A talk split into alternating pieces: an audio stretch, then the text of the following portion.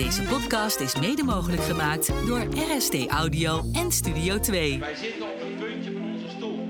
En hij gaat aan de rechtskant. Johan Cruijff zei ooit: Als je wilt winnen, moet je lachend het veld opgaan. Met plezier presteren. In deze podcast verzamelen we verhalen van mensen uit de sport met een idee over hoe je duurzaam kunt presteren of die aan de lijve hebben ondervonden wat de impact van plezier en het gebrek daaraan kan zijn.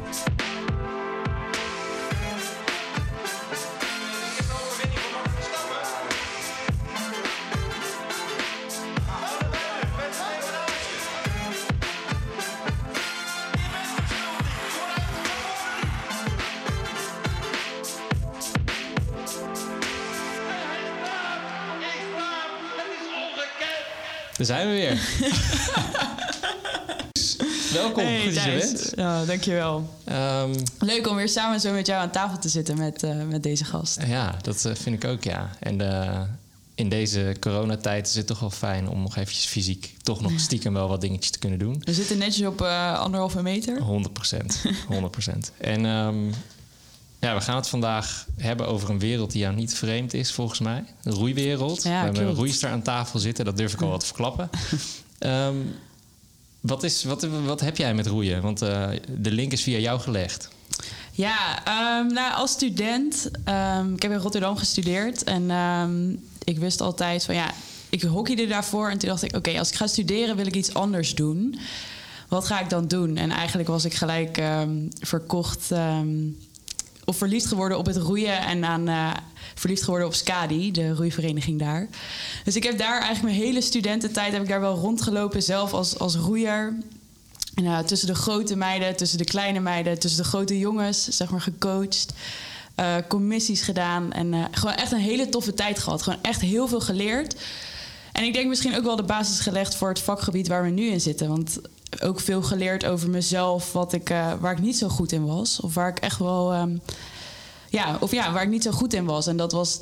Nou, ik denk dat ik fysiek oké was. Technisch was ik oké. maar ik chokte hem best wel vaak. Dus toen dacht ik van... hé, hey, er valt dus blijkbaar nog iets te trainen. Nou, en toen kwam de liefde voor de, voor de sportpsychologie.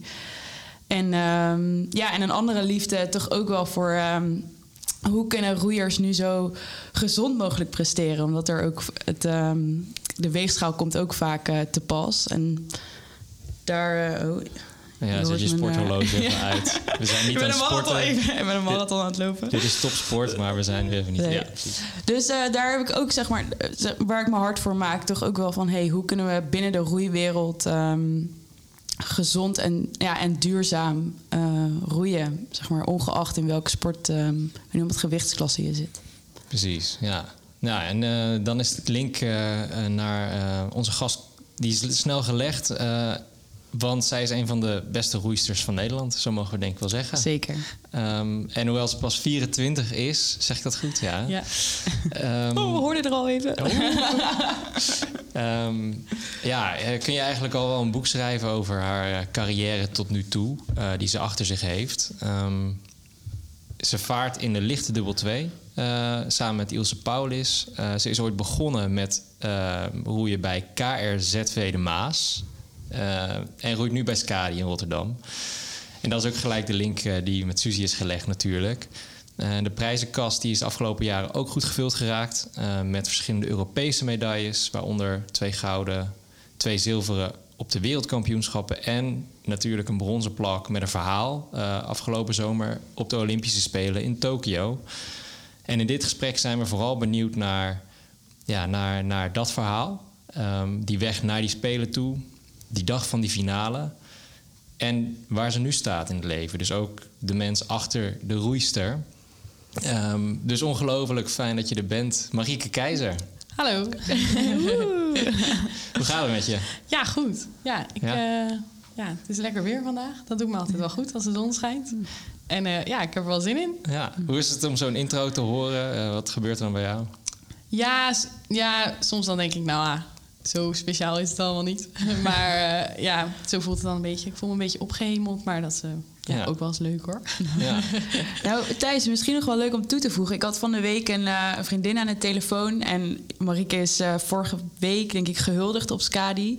En zij vertelde mij eh, Rianne Sigmond had de hele lijst opgenoemd van wat ze allemaal wel niet had gewonnen. En dat er volgens mij echt maar twee wedstrijden waren of zo waarbij Marieke ge- niet met een medaille naar huis ging. Dus je kan wel zeggen, het is allemaal niet zo bijzonder. Maar toen ik dat ook nog hoorde, dacht ik, wauw, dat eh, kunnen er echt niet veel zeggen. Nee, en eh, misschien nog wel leuker. vond ik zelf in ieder geval heel leuk. Ehm, ik was net aan het wachten op jullie allebei. Ik had hier de boel me klaargezet en ik ging even koffie halen. We zitten bij de Wereld van Sport hier in Utrecht. En ehm, nou ja, daar komen wel eens sporters natuurlijk. Ehm, maar toen stond ik in één keer bij de koffieautomaat eh, met eh, Jetse Plat. Ehm, nou ja, voor de mensen die hem niet kennen, dat is eh, nou ja, Nederlands allerbeste en het wereldbeste handbiker en Paralympisch triatleet die we kennen. En nou, die vertelde ik natuurlijk heel trots dat wij een eh, podcast gingen opnemen. en eh, dat dat eh, met Marieke was. En toen zei hij, oh ja, die ken ik wel. Die heb ik laatst volgens mij nog gezien. Bij een, Ja, bij een event van, Ja. van jullie sponsor, Toyota. Ja, ja klein Oh, wereldje. Ja. Ja, dus, dus die, die, schuift volgende week aan. Of, eh, Hier bij de shout-out. Maar je kreeg de groeten van hem, toch? Precies, dus ik, hij zei en heel duidelijk van ik ga luisteren en doe de groetjes aan, aan Marieke. Dus, Ja, leuk. Dus eh, dat vond ik zelf eh, heel leuk. Was een beetje starstruck, maar eh, volgens mij ook wel een herkenning of erkenning voor jou als sporter. Ehm, nou ja, zoals we weten, wij kennen jou en wij weten een beetje wie je bent, maar misschien niet alle luisteraars die luisteren. Dus wij hebben altijd dilemma's om jou een beetje te leren kennen als mens en als sporter. Ehm, en het idee achter dilemma's is natuurlijk dat je moet kiezen. Dus je, moet of, zie- eh, je bent het of eens of niet eens. Ja of nee. Het een of het ander. Hè? Je weet hoe het werkt, denk ik. Ehm, en op dat moment mag je er nog niet op ingaan. Dus het is keuzes maken. Achteraf gaan we ze allemaal bespreken. Dus je krijgt je Ik kans. zie de paniek in haar ogen. Wat? Dat zeiden jullie niet van, van tevoren. Ja, dus je krijgt de kans om, eh, om, het, eh, om het toe te lichten. Maar ehm, eh, op dat moment nog even niet. Alright? ja. De weg naar Tokio was een onstuimige weg. ja. Oké. Dilemma 2 is Rotterdam of Amsterdam? Rotterdam. Oké. Eh, Oh ja. Het zwarte gat na de Olympische Spelen bestaat echt. Eh, ja. Nummer 4 is Marieke de topsporter is iemand anders dan Marieke als mens. Ja. Oh, een hele duidelijke ja. En de laatste. Topsport is leuk. Oeh. ja. Ja, vraagteken. Oké. Kom maar iets dichter. Je mag iets dichter bij de microfoon nu. Dat is prima. Alright. Ehm, nou, daar hebben we genoeg stof om over te Ja. praten volgens mij. Misschien eerst op eh, welke wil jij terugkomen?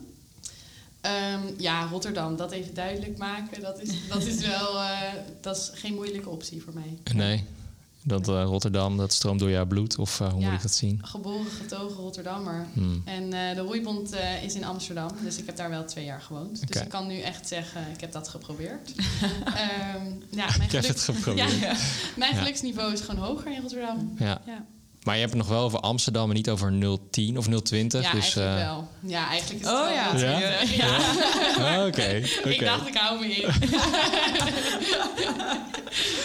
Heel goed. Maar, wa- maar wat, wat is dat je, dat je zegt van... ik heb het in Amsterdam geprobeerd. Wat is wat die stad jou niet geeft? Ehm, ja, ik vind Rotterdam altijd een dorp. En dat, Hmm. dat klinkt een beetje raar, maar toch heb ik heel erg een dorpsgevoel erbij. En ehm, het niet lullen, maar poetsen. Die mentaliteit, ja, dat verschilt gewoon heel erg eh, voor mijn gevoel in eh 020. Mhm. Ehm, en ja, mensen hebben daar altijd haast en eh, iedereen is gestrest. En er is een, ja, wat minder een gunfactor. En in Rotterdam heb ik gewoon dat gevoel helemaal niet. Misschien wel omdat, omdat we gebombardeerd zijn en de fietspaden breder zijn. Weet ik niet. Maar dat zijn ook kleine dingen dat je gewoon een bakfiets kan inhalen.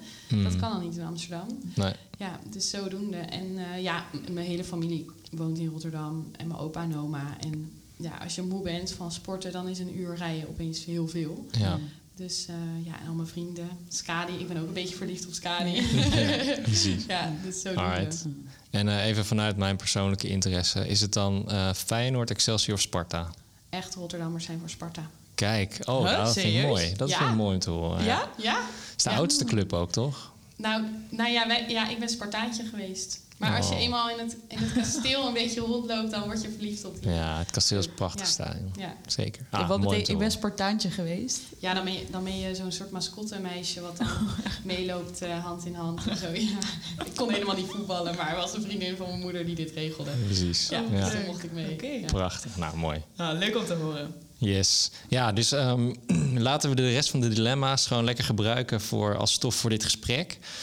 En we willen eigenlijk even beginnen bij de, eh, de eerste, dus de onstuimige weg naar Tokio. En ehm, nou ja, we willen eigenlijk vooral de, de luisteraars eens meenemen in hoe gaat zo'n voorbereiding op zo'n Olympische Spelen? Ehm, hoe, zien, hoe ziet de tijd daar eruit? Was natuurlijk ook een hele gekke met corona.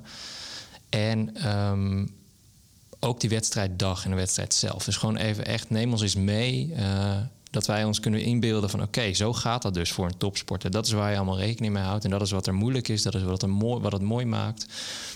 Dat, eh, daar gaan we eigenlijk wij gaan lekker doorvragen. Dus praat vooral en dan hebben wij vragen. Dat maar is dus, geen probleem. Ehm, ik dacht, laten we eens beginnen bij de laatste weken voor de Spelen. Ehm, om daar te beginnen. Ehm, ja, nou ja, de laatste weken waren wel heel erg, ehm, heel erg intens. Je zit wel echt dan, die spelen komt echt opeens heel erg dichtbij. En je moet je voorstellen, met roeien is eigenlijk het, de spelen het enige grote toernooi. Dus als je na 2016 binnenkwam, ging het eigenlijk al over de spelen van Tokio. Ja. En nou ja, dan pak ik parkeer dat dan gewoon van, nou ja, dat zal, dat is over vier jaar. Ehm, maar dan is het heel onwerkelijk als het dan opeens is over drie weken zijn de Olympische Spelen of vier weken. Ehm, en dat, dat vond ik zoiets geks of zo. Opeens was het dan daar echt. En nou ja, door het uitstellen was het natuurlijk nog gekker dat het echt doorging. Dus in je achterhoofd hield je ook de hele tijd iets van... er kan nog iets gebeuren, het kan worden afgelast. Maar ja, die laatste drie weken, als je gewoon weet welke dag je gaat vliegen... en ja, je krijgt je Olympisch kledingpakket... dan denk je wel echt, oké, het is wel echt heel erg echt nu aan het Ja. worden. Ja, en dat vond ik ergens ook wel weer heel, heel fijn of zo. Ik dacht wel van ja, in ieder geval is het niet voor niks geweest. Eh, Ja. Ik ga in ieder geval nu wel echt naar de Spelen, of daar lijkt het op. Ehm, en wij zaten ja, op trainingskamp in Italië. En ook omdat je, ik genoot ook wel van dat laatste kamp. Want ik, opeens voel je je dan wel heel erg van, ja, je weet niet of je nog een cyclus gaat doen. Je, je weet gewoon niet wat er na de Spelen gaat gebeuren. Dus ik probeerde ook wel echt heel erg bewust te genieten van ja, de koffietjes die je daar drinkt in het zonnetje. En ja, daar, daar genoot ik wel echt van. Mm. Dat je niet weet of je ja, terugkomt Ja. of zo. Ja. Hoe bedoel je, of je terugkomt? Nou, wij gingen al echt, nou ja, vier jaar gingen wij naar Pugano in Italië, Ja. eh, dicht bij Como. En een heel klein meertje. En dat, dat was gewoon ook je tweede huis of zo. Zeg maar, we waren daar de helft van het jaar. En al helemaal in het Olympisch jaar. Eh, was echt, ja, voelde gewoon als thuiskomen. Als je Ja. daar dan weer kwam binnenrijden. En het hele dorp kent ook de roeiers. Zeg ja. maar. Dus het is echt, Ja. ja. het is echt heel erg... eh, bij de bakker hebben we ook gewoon één grote rekening. In plaats van... Ja, Ja, echt waar? Ja, dus we hoorden een beetje bij het dorp. En nou ja, je weet niet wat er gaat veranderen met bondscoaches. Of je überhaupt nog wel naar die plek gaat. Ja, op die Eh, manier. Ja. ja. ja, en of je zelf doorgaat met roeien. Dus opeens dacht ik, ja, ik kan maar beter genieten van deze koffietjes. Dus je eh, was in op het dat zonnetje. moment al heel bewust van... oh ja, wa- wat hier gebeurt is, is best wel speciaal. Ja, ja. Geniet daar ook van. Oké, ja, mooi. vooral van de kleine, ja, de kleine dingetjes. Je mag je lunch en zo declareren. Nou ja, ik weet dat er een studententijd komt die, die, gewoon, die dat niet toelaat. Ja, dus dan denk ik opeens, ja, het is wel luxe dat ik gewoon mijn frambozen en mijn bosbesjes lekker kan declareren. Zeg Ja. maar. Ja. Dat is toch wel Ja. luxe. Ja. Ja, precies. Hoeveel, hoeveel weken voor de Spelen was dat? Ehm, nou, wij zijn, ik denk een week voor de start van het toernooi waren wij denk ik in het Olympisch dorp. Oké. Ehm, en nou ja, de weken daarvoor waren we eigenlijk in Italië. Eh, we zijn maar één dag tussendoor thuis geweest, of anderhalve dag, om ja, tassen te wisselen, spullen te pakken. Eh, maar het was echt eh, twee weken Italië, denk ik. Eén dag thuis en de volgende dag vliegen. Zo. Ja. Ik ben eigenlijk ook al heel nieuwsgierig hoe die vlucht überhaupt was. Zeg maar, als je, je hebt, ik heb ook veel gelezen en in andere podcasts gehoord dat iedereen gewoon door elkaar zat. En, maar ik ben, ja, nu Ja. kunnen we het gewoon aan jou vragen. Van, ehm, hoe was de vlucht? Ja, nou ja, je zat dus wel allemaal in een aparte Team NL lounge. Die was er wel gemaakt. Dus je werd wel apart eh, van de rest van, eh, van de reizigers... eh, ja, eigenlijk door Schiphol geloodst. Ehm, dus dat was wel relaxed. En ook omdat, ja, dan ga je toch nog een boekenwinkeltje in. Dat deden we gewoon allemaal niet. Ehm, en verder zat je gewoon naast andere sporters ook. Eh, en ik zat wel naast mijn partner Ilse, zeg maar, mijn roeipartner. En aan de andere kant? Ja, ik weet het niet meer. Oh. Ja, ik schaam me een beetje. Maar, Nou, bij Maar- deze een oproep aan de Ja, sporter ja. die naast Marieke zat. het, was, het was van het atletiek. Ik vond het wel heel interessant. En ja, dat maakt het ook wel weer ja, leuk. En we hadden... ehm, Ene Sifan Hassan of Nee, nee, nee. nee, nee. Die vloog denk ik business.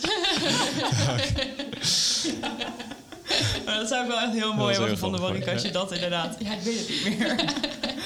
Nee. Ja, dus ehm, ja, en, en- ja, je dacht er ook niet echt heel erg over na. Pas eh, natuurlijk toen het hele corona-gedoe een beetje kwam, dacht je, oh, dat hadden ze wel even iets anders misschien Hmm. kunnen aanpakken.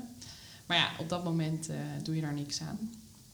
Ja. Nee. Zat je, zat je wel gewoon gechilled in die vlucht? Of, of ben je dan wel echt bezig met, met corona? Of ik mag geen corona krijgen? Of... Ehm, nou, ik was wel redelijk gestrest eh, in Nederland. Want toen was er echt even net weer zo'n piekmoment. En wij waren één dag thuis. En ook wat huisgenoten eh, die met corona in aanraking waren geweest. Dus ik ging ook ja, naar, mijn, naar mijn moeder toe in plaats van naar mijn eigen huis. En mijn koffers stonden wel nog in Amsterdam. Dus het was wel een beetje gedoe. Hmm. eh, en best wel veel stress. Dus wel echt stress ervaren. Maar toen ik eenmaal in dat vliegtuig zat, dacht ik ook... ja, nu zit ik in dit vliegtuig. Het zal wel goed komen. Ja. Dacht ik toen. Ja, precies. En, en hoe lang van tevoren eh, ging je die kant al op? Ja, ik denk dus een week van tevoren of acht, negen dagen. Een week voordat jullie toernooi, Toernooi zou begon. begonnen. Ja, Ja. ja. Oké, en dan gaat dat vliegtuigdeur open en dan sta je in Tokio. En dan? Ja. Nou ja, dan moet je gewoon heel veel testen en heel veel papierwerk. En dat was helemaal niet relaxed. Maar ja, iedereen zei al, het duurt ongeveer twee uur, eh, drie uur voordat je ja, er doorheen bent. Eh, dus we waren er wel goed op ingesteld dat het echt heel lang zou duren. Ja. En je dacht gewoon, ja, ik ga gewoon de hele dag reizen en ik ga gewoon uitrusten als kan, zitten wanneer kan. Hmm.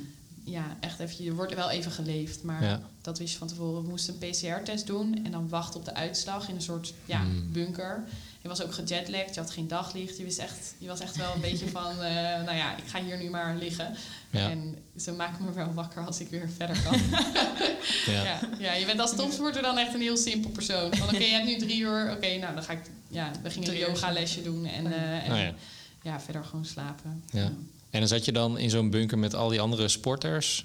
Eh, ja, ja, elk land had wel zijn eigen hok. Dus Ja. wij, wij, zaten met, wij zaten met alle Nederlanders. En het was ook wel leuk. We zaten met de mountainbikers. Die vlogen die dag ook. Hmm. Dus dat was ja, het is toch wel interessant om ook even die andere sporten Ja. eh, te horen. Ja. En ook met, ehm, we zaten ook met, ja, we zaten dus ook met atletiek. Dus we hadden het al over woorden en zo. Nou, ja. En dan zo'n coach die vindt dat dan ook grappig. Wij gingen een beetje rekken. En dan zei oh, jullie eh, doen een beetje van die rekoefeningen die wij ook moeten doen. ja, dus ja. dat- die, Oh, wat je maakt wel praatjes, maar ja. Ja. En wat is het leukste verhaal of het leukste praatje wat je hebt gemaakt eh, met andere sporters? Nou, ja, ik heb natuurlijk ook wel een beetje... Het is best wel speciaal dan al die echt, echte, ja, bekende Nederlanders. Het is een soort ehm, snoepwinkel. Ja, wel een beetje. En Epke die was daar aan het... eh Hmm. Epke Zonderland was daar aan het pingpongen en die sloeg de bal echt behoorlijk mis. Dus toen zei ik... Ja, ik ben een beetje een flap uit. Toen zei ik, nou, ik zou maar blijven turnen als ik jou was. toen dacht ik al, oh, dit is echt heel, ja, heel stom. Maar En, en hoe reageerde Epke? ja, ik moest gewoon lachen, want hij, hij kon er ook niks van. Maar toen dacht ik daarna, oh, wat god, zei ik dit nou echt? Zeg maar, oh, wat erg. Wat goed. Oh, ja. Ja, dat is Mooi. wel grappig. Ja, alright. En, ehm, en dan- dan ben je daar in Tokio. eh, we hebben natuurlijk wel een beetje meegekregen hoe dat daar was. Je mocht niet zoveel, volgens mij veel op je kamer. Ehm, klopt dat? Hoe was die? Want je zegt, ik was er ongeveer een week voordat ons toernooi begon. Ja. Hoe zagen die dagen eruit? Nou, ehm, vooral de eerste ja, vier, vijf dagen kregen wij best wel veel vrijheid. Het Olympisch dorp was nog heel rustig, omdat je Hmm. maar nou, een x aantal dagen van tevoren mocht komen. En je moest ook alweer weg naar je toernooi. En als je, er waren andere trainingslocaties, dus heel atletiek bijvoorbeeld zat ergens anders. Dus het was best wel rustig. Ja, en dan doe je gewoon best wel veel leuke dingen. Ja, in de ringen hangen, wandelen. Het Olympisch dorp is echt super mooi aangekleed. Eh, dus ja, dat was wel een soort van Hm.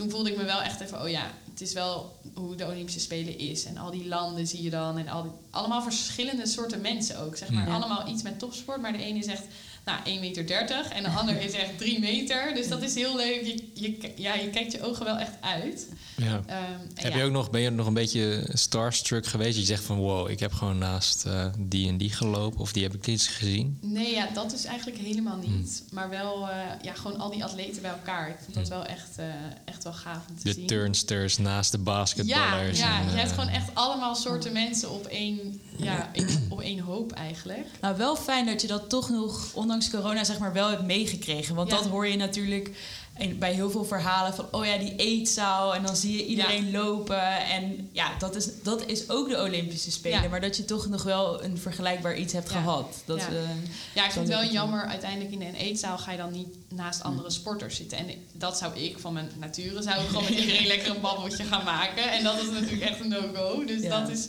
dat is jammer. Maar ja, dat, dat, eh, dat Ja. wist je ook wel van tevoren. Dus in die zin viel het me de eerste paar dagen wel mee. Ja, Ja, toen kwam er natuurlijk bij ons corona ja. in de roeiequipe. En toen was het wel... ehm, blijf op je kamer, loop alleen naar de eetzaal. We mochten wel gewoon naar de eetzaal, want ja, als je geen contact had gehad... en iedereen hield echt goed aan anderhalf meter... Mhm. Ehm, en iedereen droeg heel veel mondkapjes en schoonmaken van mondkapjes. Dus dat was echt... Ja, mijn coaches hebben uiteindelijk allebei corona gekregen, maar ik niet. Dus dat, dat zegt wel dat het gewoon Precies. goed geregeld, Ja. ja. ja, goed geregeld was. Het protocol werkt in die zin. Eh, Maar had wel gevolgen voor jullie dus, die dagen. ja, ja, nou ja, je wordt ook gewoon heel voorzichtig. Mhm. Ehm, en bij de, roei, bij de roeibaan hadden ze dan wel aparte opwarmingplekken voor ons gemaakt. Maar dat kwam eigenlijk meer vanuit andere landen die ook gewoon opeens heel bang waren. We waren echt een soort parasiet. Mhm. Eh, en dat was wel, ja, dat, die, dat was niet leuk. Dat, ja, dat is niet leuk als dat er opeens bij komt. Maar Nee. ja, je, je maakt er gewoon op, die, op dat soort momenten maak je er gewoon het beste van. En ja, incasseer je het soort van, oké, dit is een nieuwe situatie. Maar hoe doe jij dat? Want ik snap dat, je, dat dat nodig is, maar hoe ziet dat er emotioneel voor jou uit? Nou, ik, ik vond het vooral gewoon niet zo leuk meer. Dus Mm. dat vond ik echt wel jammer. En verder probeerde ik gewoon zoveel mogelijk met de thuisfront te bellen. Hm. Eh, en door het tijdverschil was dat dan meestal aan het eind van de dag een beetje. En ehm, mijn tante is Japans en die woonde in Japan. Ehm, die kon niet komen kijken natuurlijk, want dat mocht allemaal niet. Mm. Eh, we zouden eigenlijk gewoon een hele familiereunie in Japan hebben. Ehm, en die, mm, ja, met die FaceTime ik dan in de ochtend meestal. Want Ah. ja, dat was een beetje wat ze hadden afgesproken ook wel, had ik achteraf gehoord. Van, Ja. Yukari die doet in de ochtend even een belletje om te Mm. vragen hoe het gaat. Ja, en verder, ik denk wel dat ik emoties een beetje heb ja, geparkeerd of heb uitgeschakeld. Want je gaat er gewoon niks mee bereiken als je ja, toelaat wat je eigenlijk hebt mee, wat je meemaakt eigenlijk. Dan er is niet echt ruimte voor. Op dat moment helpt het niet als je daar te veel bij stilstaat. Nee, ik dacht ja, Ja. Ik, dit is gewoon de situatie. En ehm, ja, dit is, dit Ja. is het. Ja. Ja, Ja. alright. En dan mag je eindelijk gaan beginnen met wedstrijden. Ehm, vanaf het begin van het toernooi. Ehm, Er ontstaat wel een glimlach op je Ja. gezicht. Ja. Is dat toch weer een soort van excitement van... ja, ah, nou vooral die eerste wedstrijd. Toen was er denk ik ook nog niet echt corona bij ons. nee. En ehm, toen voelde ik me wel echt, toen dacht ik, ja, ik ben nu wel echt Olympiër. En zo reageerden mensen ook op je van, oh, nu ben je voor altijd Olympiër. Ah, ja. Ehm, dus dat vond ik wel, ja, best wel speciaal. Ehm, maar ja, uiteindelijk ook, ik vond het ook wel, het was wel gewoon een roeiwedstrijd. Ja, ik heb echt al heel veel roeiwedstrijden in mijn leven gedaan. Dus het was eigenlijk ook wel heel veilig. Een soort van, ja. dat merkte ik heel erg gaandeweg het toernooi. Dat als ik ging roeien, was mijn wereld gewoon even heel simpel. Daar werd ik niet, zeg maar, daar gingen ze me ook niet uit mijn boot halen omdat ik corona positief was getest. Zeg maar, in ieder geval had ik weer een uur dat ik eh, ja, even veilig was of zo. Zo voelde Ja. het. En je had eventjes, ja, je focus was gewoon op een haal maken, je, je het water aanvoelen. Dus ik was een beetje ook, het was echt een beetje afleiding. Ja. Ehm, ja, want ik kan me voorstellen, Olympische Spelen, dit is het moment waar je vijf jaar in dit geval naartoe werkt. Heb je dan nog extra spanning voor zo'n eerste wedstrijd op je Spelen? Of had je juist zoiets van, oh, eindelijk? Ja, wel een beetje het eindelijk. Je Hmm. voel- ik voelde me ook wel echt klaar. Ik dacht, ja, het hoeft ook niet langer. Ik, kan, ik weet gewoon wat ik moet doen. Ik weet hoe je van A naar B moet roeien. Ik weet wat ons sterkpunt is. Ik weet het zwakpunt. Mhm. En ik heb nog... Ja, je hebt best wel veel rustdagen eh, op zo'n spelen. Wisten jullie op dat moment een beetje waar jullie stonden ook ten opzichte van de rest van de wereld? Ehm, ja, we dat waren, iedereen dat wel ja, wist. we waren wel de ploeg om te Ja, verslaan. Ja. En de laatste wedstrijd hadden wij een wereldrecord geroeid. Dus Hm. ja, dat is wel lekker. Dan ga je wel met vertrouwen. Precies. In ieder geval denk je, nou, in ieder geval is nog nooit iemand sneller gegaan. Ehm, dus dat was, ja, dat voelde eigenlijk gewoon heel erg af. En het, het Heel even stilstaan want je vertelt het echt van eh, echt, nou ja, alsof het iets heel, heel normaals is. Maar je zegt, je hebt gewoon een wereldrecord ge- gevaren. Er is Ja. nog nooit iemand Ja. sneller geweest dan Marieke Keizer en Ilse Paulus. Ja. Ja, En dat nou, staat nog. Nee, dat staat niet Oh. meer. Dat is afgepakt. Ja, dat is in, eh, in de halve finale afgepakt. Oké, ja. Maar dat, dat was gewoon heel leuk. En, en we hadden eigenlijk een beetje een lastig seizoen dat jaar. In ieder geval, ehm, het EK was in april en het was eigenlijk vroeg en het was echt heel koud. En nou, we moesten dan licht roeien, dus dan op gewicht komen al in april is gewoon heel vroeg. Mhm. En toen hadden we eigenlijk heel veel zin in Luzern, dat is dan onze derde wereldbeker. En toen Ja. was Ilse verkouden, dat was de tweede wereldbeker. Dus toen hadden we niet gestart, gewoon uit eh, voorzorgsmaatregelen. En eh, ja, toen gingen we dus die laatste wereldbeker, was eindelijk, zeg maar, waren we allebei fit, was het ja, wat warmer weer. En dan dat alles dan klopt, dan denk je, oh gelukkig. Want je zegt wel, ja, we zijn de beste. Maar we Mhm. hadden het gewoon nog helemaal niet laten zien dat jaar. En toen opeens konden we, ja, was een soort van, eh, dat vuurwerkje wat wij kunnen ja, creëren was er. Dus dat was gewoon heel leuk. Ja. Eh, ja, toen dacht ik, ja, toen op de Spelen dacht ik ook, nou ja, ik ga gewoon lekker Let's go. Ja. ja. Welke wedstrijd wil je, wil je horen, Thijs? Wil je ze het hele toernooi doorgaan? Nou, de- Ik denk dat we, dat we... Neem ons eens mee in die dag van die finale. Eh, want dus, dus eigenlijk vanaf het moment dat je opstaat... hoe ziet zo'n voorbereiding naar zo'n, naar zo'n wedstrijd eruit? Dus op welk moment van de dag was het voor jullie? Want voor ons was het natuurlijk allemaal helemaal wappie. Allemaal s'nachts en eh, s ochtends samenvattingen. Maar hoe was dat voor jou? Ehm, ja, eigenlijk dus ook heel normaal. Eh, je- ja, ik had wel slecht geslapen, maar dat kwam ook omdat we de dag ervoor onze halve finale hadden. Dus we Mhm. hadden, eh, eigenlijk heb je altijd een rustdag, maar er was een, eh, ja, tyfoon was er. Nou ja, we konden niet roeien, dus het werd Ja. nog een dagje later. Ja. Nou, prima. Ehm, dus ik was, ik was ook wel echt heel erg bezig met herstellen eigenlijk. Ik was echt heel erg op zo'n dag zorg ik gewoon dat ik de dingen doe die ik moet doen. En Mhm. dat is eigenlijk, nou ja, zodra ik opsta op de weegschaal staan, dat is gewoon een gegeven. Eh, en dan kijk ik wat ik weeg. En dan meestal moet ik iets eraf zweten of eet ik mijn ontbijtje, wat één reep is. Maar wel een hele goed gevulde reep. Maar eh, een reep en dan ga ik ja, warm fietsen. En meestal ja, met wat extra kleding aan om, eh, Extra te zweten? ja, om eventjes... eh, Hoeveel moest je... ja, ik heb het niet meer Als ik dat mag vragen hoor. Ja, ik heb het niet zo heel erg helder meer, maar meestal zit ik tussen de 0 gram en de 300 gram. Dus dat is nog wel te doen. Eh, ik denk dat het 2 of 300 gram was. Ook omdat ik de dag daarvoor een wedstrijd had gehad. Dus ik ja, was gewoon op gewicht. Het is meer een kwestie Mhm. van hoeveel je bent verloren in de nacht. Ja. Maar daardoor was ik wel een beetje... Ja, na een wedstrijd slaap je nooit zo goed door adrenaline. En nou ja, ze- ga maar door. Dus ik had wel slecht geslapen. En ik wilde gewoon rond, rond de finale wilde ik ook wel echt heel graag naar huis. Hmm. Eh, want er was nou ja, nog een coronageval. eh mijn persoonlijke coach eigenlijk. Dus onze hoofdcoach zat al in quarantaine.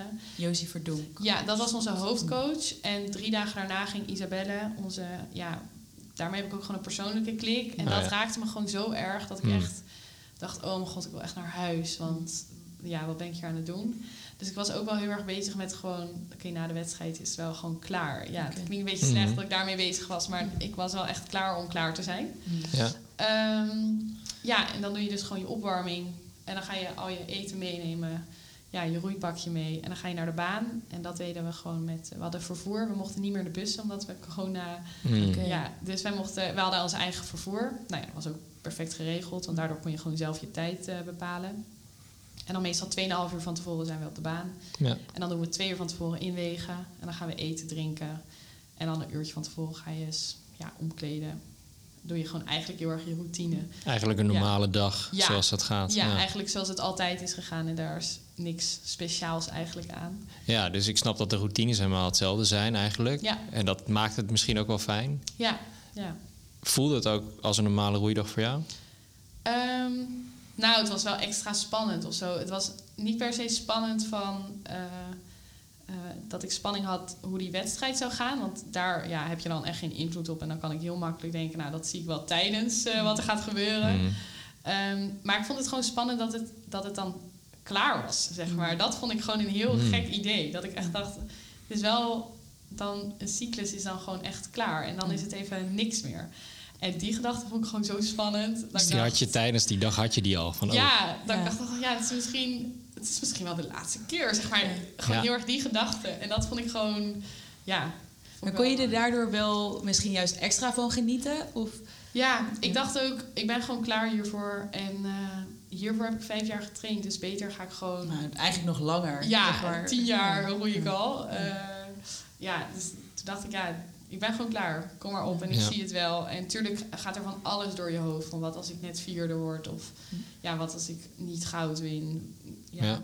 je Nou, weet ja, wat niet. voor, ja, wil je nog eens wat van die gedachten opnoemen die door je hoofd gaan? Nou, ik zou het vooral wel echt... En dan ben ik heel blij dat ik dat nog steeds niet heb meegemaakt. Maar het werd net al genoemd. Ik heb heel veel... Eigenlijk elke internationale wedstrijd heb ik een medaille gevonden. Behalve mijn allereerste WK bij de junioren. Dus ik weet gewoon niet meer zo heel goed wat er gebeurt als je niet op een podium Mm. komt. Zeg maar, dan krijg je niet de felicitaties, dan heb je niet de medailleceremonie, dan heb je niet alle fotografen, dan heb je geen interviews. Ja. Ik zou gewoon echt niet weten wat je dan moet doen. Zeg maar, ja, ik zou het niet weten. Ja. En dat, vond ik, dat heb ik jarenlang eng gevonden. En dat vond ik nu ook nog echt heel eng. Ehm, en dat was wel dat ik dacht, ja, dat lijkt me gewoon e- echt heel erg vervelend. Want je familie is er ook niet. Eh, nou, mijn coach staat in quarantaine. Dus Ja. ik had van tevoren een fysio gevraagd van... ehm, die er dus nog wel was.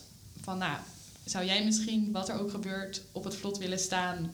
en zorgen dat je mij kan opvangen? Nou zeg ja. maar zo. Oké, ja. Ja, en dat, gewoon dat ik wist van, oké...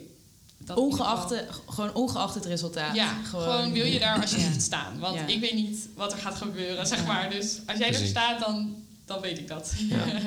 ja. ja, vooral Hm. dat eigenlijk. En, en zijn er nog andere... Het is een normale roeidag en je, je, je hebt, het is spannender. Heb je dan ook op een andere manier zeg maar, bepaalde scenario's in je hoofd... waar je je op moet voorbereiden? Of waar je je anders op hebt voorbereid dan op een andere roeidag misschien? Nou, ik doe altijd gewoon de strategie dat ik gewoon denk dat ik ga winnen.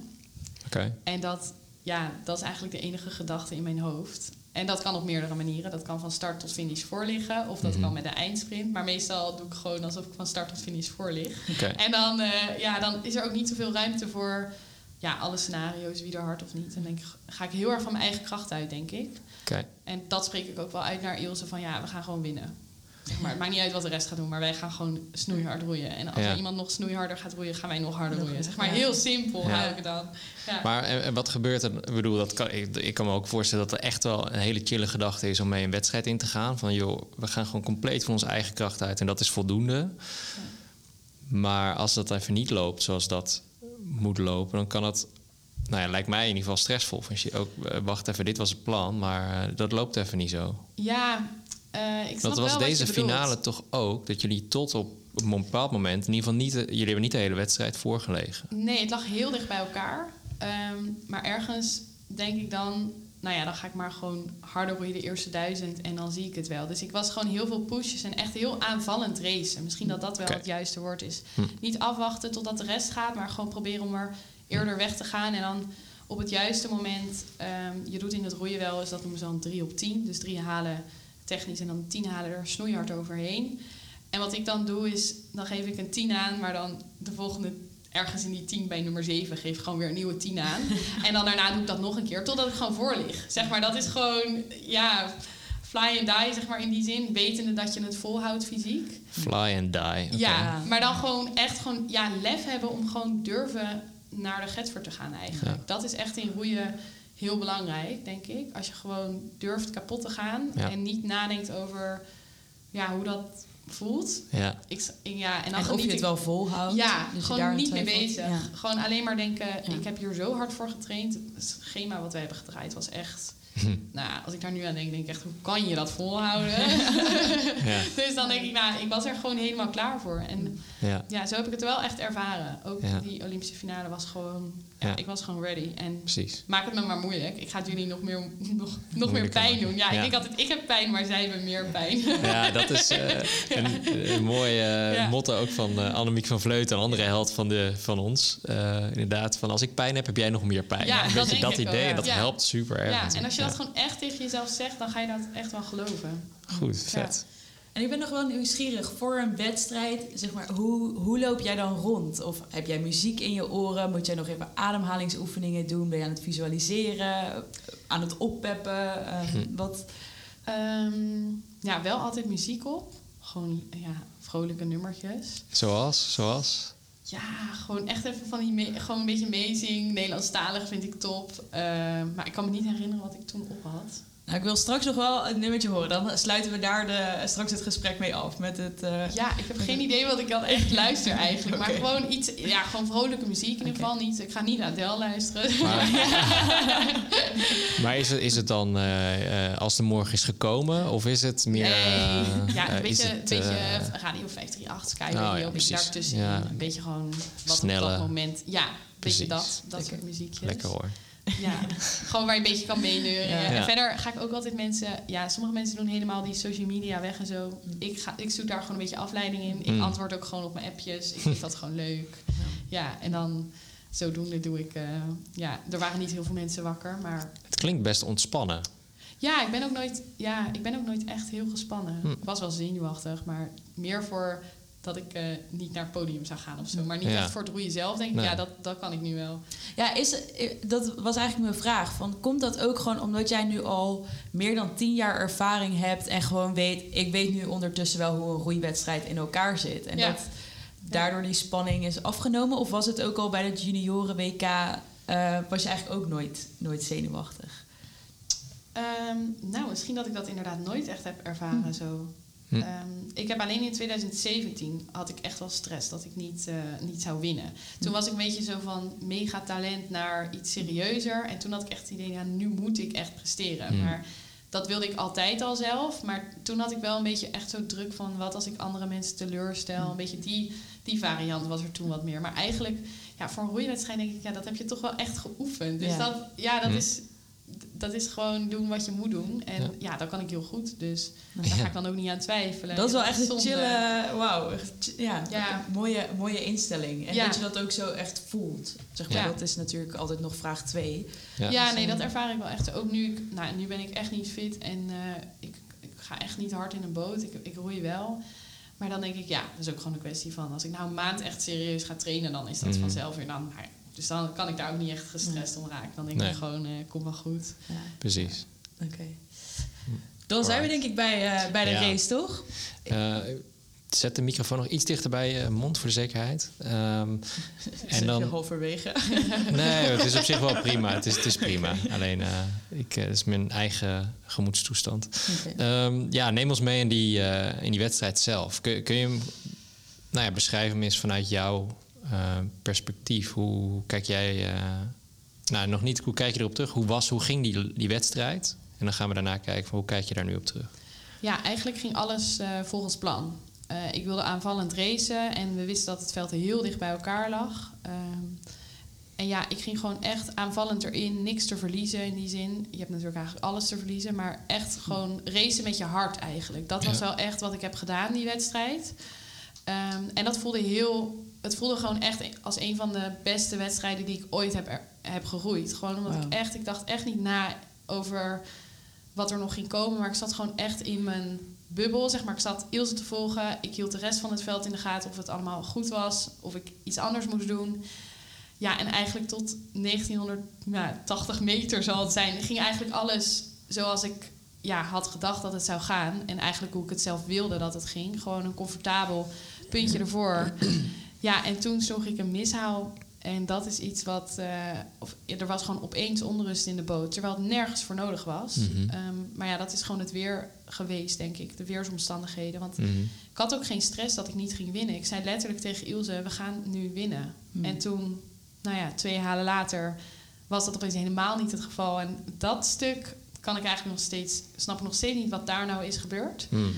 Maar verder, als ik terugkijk op die race... was dat de race van mijn leven.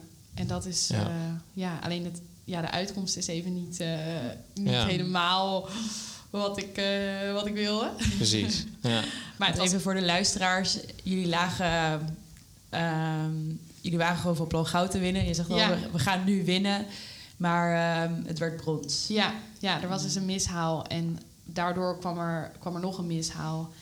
En eh, bij Ilse, zeg maar. Dus het is echt een samenspel. Ja, en toen was het eigenlijk zo snel mogelijk weer die boot op gang krijgen. En ik dacht dus best wel lang ook dat we vierde waren geworden. Dus wat dat betreft heb Ja. je dan wel echt brons gewonnen. Hmm. Ehm, maar ja, dat was, dat was iets bizars. Daar kan ik nog steeds ook niet... Ik snap dat gewoon ook nog steeds niet. Als ik dan nu weer daaraan denk, denk ik... Ik snap niet hoe dat Mhm. is gebeurd. Maar ja, Ja. dat is top. Dan denk ik weer, ja, turners vallen van een balk. eh, keepers laten een bal door. Ja, en dit is roeien. En het, we waren niet de eerste die een snoek hebben geslagen. Olympische mannen dubbel vier die Olympisch kampioen waren geworden... hadden het in de eerste ja. 300 meter Ja. iets beter getimed. Ja. De timing was erg slecht van mij. Eh, Ja. Maar ja, Maar zeg je, want je zei het was eigenlijk mijn beste, beste race ooit. Zeg je dat voor die 1980 meter of zeg je dat gewoon voor de volle 2K? Ehm, nee, niet voor de volle 2 kilometer. Het was wel echt die 1980 meter. Maar het is meer gewoon het gevoel dat niemand mij ging verslaan. Dat gevoel dat overheerste gewoon de hele wedstrijd. Ehm, en ja, behalve de laatste 10 seconden. Ja. Ehm, maar als ik terugkijk, was dit de beste race. Ja. Dit was, zo moet je Olympisch kampioen worden. Zeg maar, dit is hoe je het moet doen. En dat hebben we in principe gedaan, behalve het laatste stukje. En dat, dat kregen we ook wel veel terug van andere roeiers. Dat iedereen eh, aan het eind van de Olympische, van onze finale was er dan een soort, ja, alle lichte roeiers waren klaar die avond. En iedereen was eigenlijk in het park van het Olympisch dorp.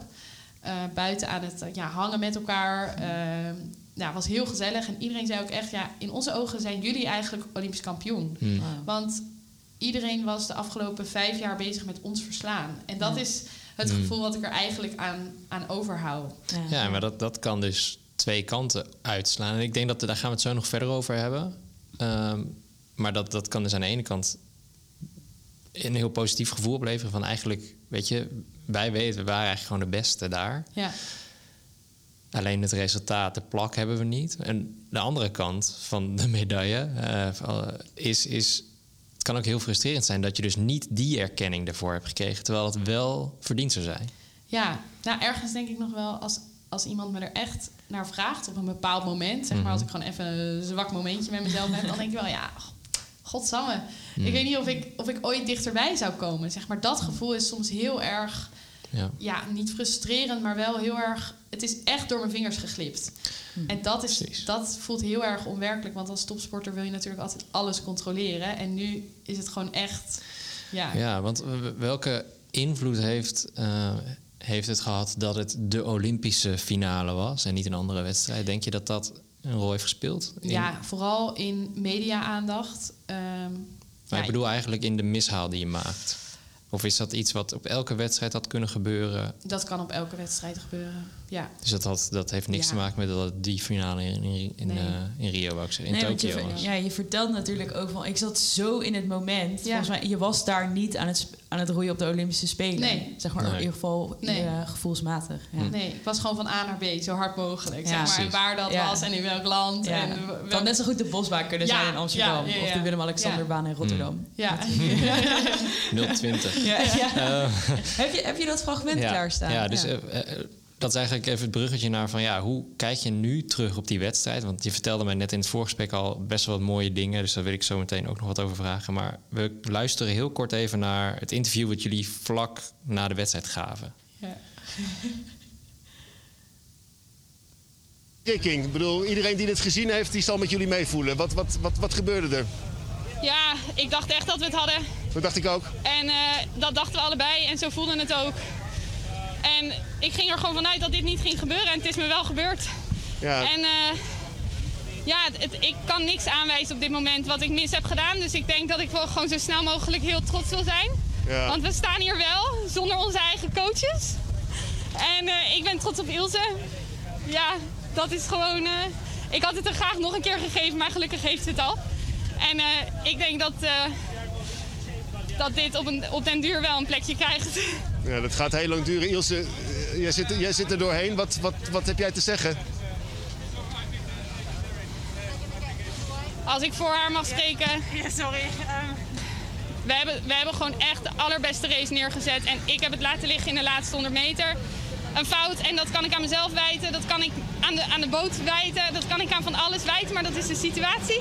Ja, En ik vind het echt heel knap dat we hier staan. Want gisteren werden we derde. En toen kregen we de wereld bijna over ons heen. Inclusief onszelf. En nu staan we hier wel. Dus ik denk dat dat gewoon wilskracht, doorzettingsvermogen. Dit is ongekend. Dit was de afgelopen week voelde als een maand. Met elke dag weer een nieuwe klap in ons gezicht. En ik heb, ik heb van 1900 meter van deze race genoten. En de laatste 100 niet. En daarna, ja, ja, het is wel mijn eerste spelen, dus Ja, wat, wat, Hoe beluister jij dit nu, eh Marieke? Wat een emoties, hè? ja. Ja, ja, het is nog steeds wel hoe ik er wel in sta. Ja, dus mag ik vertellen, wat- wat mij heel erg opvalt, is inderdaad hoe eigenlijk strijdbaar je daar al bent. Van joh, besef wel even waar we, wat we wel hebben gedaan. En dat we wel die plak nog net hebben. En ehm, dat, ik, dat, ik, dat je nu dan toen eigenlijk al trots was op wat er toch wel is gebeurd. En ik denk dat dat iets is wat voor heel veel topsporters moeilijk zou zijn geweest. Ja, ik, ik denk ook wel dat het... ehm nou, Ilse is dus Olympisch kampioen in Rio geworden. En eigenlijk vanaf het moment dat wij samen gingen roeien... moesten we gewoon altijd goud halen. En op zich ging ik daar natuurlijk ook voor. Ik, bedoel, ik hou hartstikke van winnen en ik vind dat hartstikke leuk. Ehm, maar ik vond het soms wel echt jammer dat ik... Daardoor heb ik best wel veel jaren niet genoten van zilver, brons, persoonlijke records... En dat komt wel echt door de media, want wij waren gewoon altijd, moesten wij winnen. En als wij niet hadden gewonnen, dan was het, wat ging er mis? Of wat gaan jullie nu doen? En bij andere ploegen was het, als ze brons hadden ge- gewonnen, was het, zij winnen brons. En wij was altijd, wij verloren altijd goud.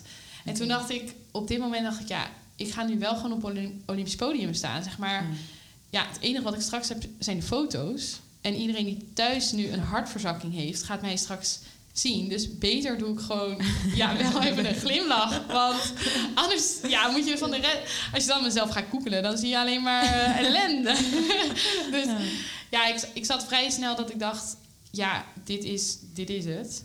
En ja, Maar het komt wel ook echt vanuit je hart. Want iedere keer als jij het opzet, we hebben het nu denk ik al vier keer geluisterd of zo, of, of misschien wel meer. Zeg maar, ik krijg gewoon gelijk helemaal kippenvel. Omdat je zo hoort hoe, nou toch ook wel emotioneel je bent. Van, nou, hoe zou je die emoties beschrijven? Kan je dat nog terughalen?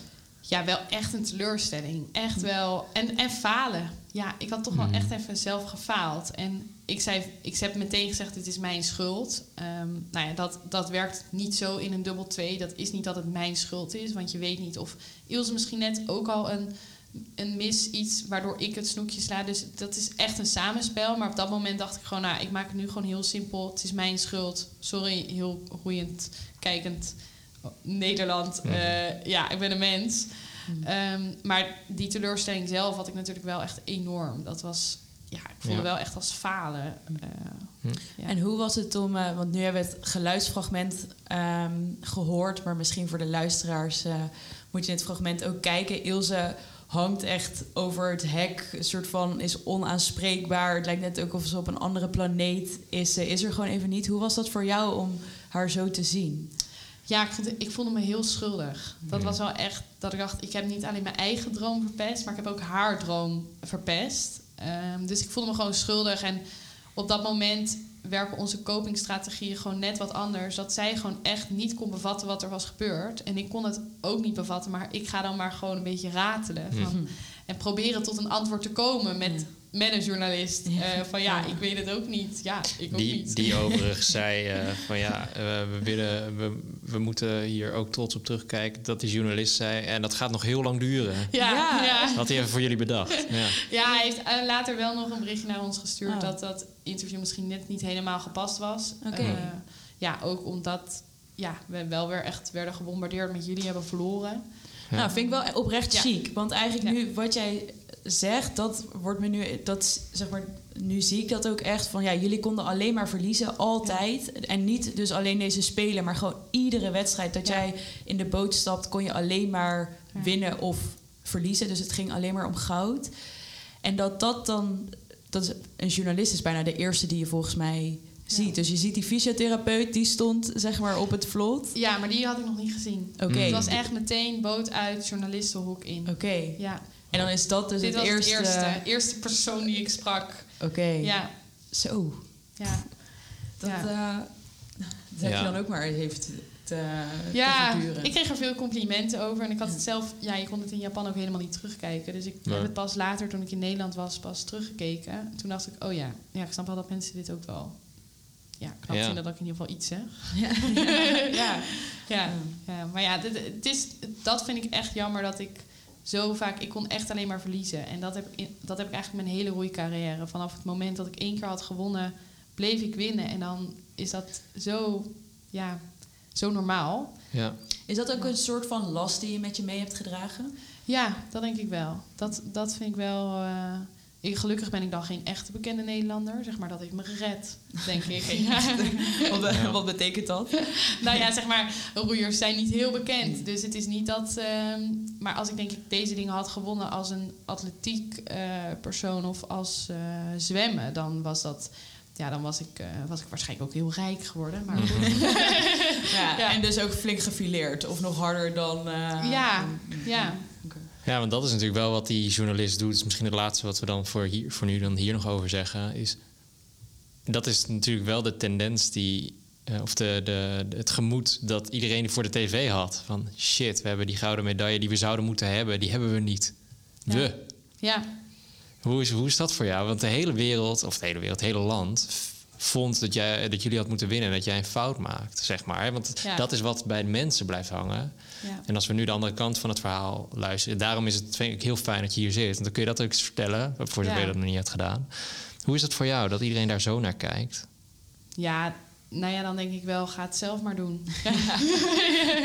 ja, dat denk ik dan. Dan denk ik, ja, dat, eh, ga zelf maar topsporten. De beste stuurlui eh, staan aan de aan de wal. nou, succes daarmee. Ja. ik, vind- ik vind het gewoon jammer, want het heeft uiteindelijk misschien wel wat ja, plezier weggenomen. Dat ik gewoon minder kon genieten Hmm. van, van alles. Er zat zoveel druk jarenlang op. Dat, dat is, ja, als ik nu terugkijk en nu ik eindelijk weer een beetje adem, zeg maar, denk ik echt, wow, Ja. hoe dan? Hoe, hoe heb ik ook elke keer weer kunnen winnen? Of elke keer dan net derde, dat je in ieder geval nog iets had. Dat, ja, dat vind ik bizar. Want eh, als we dan eh, naar het volgende dilemma gaan... eh, het zwarte gat naar de Olympische Spelen bestaat... Ehm, Het antwoord was ja. het antwoord was ja. Ehm, wat betekent dat? Ja, nou je hebt natuurlijk echt een zwart gat van ik weet niet wat ik met mijn dag aan moet. en ik kan niet opstaan en ik, ik, ik heb nergens zin in. En nou, dat had ik niet heel erg. Maar ik kan me wel heel goed voorstellen dat, dat je dat kan hebben, als het ware.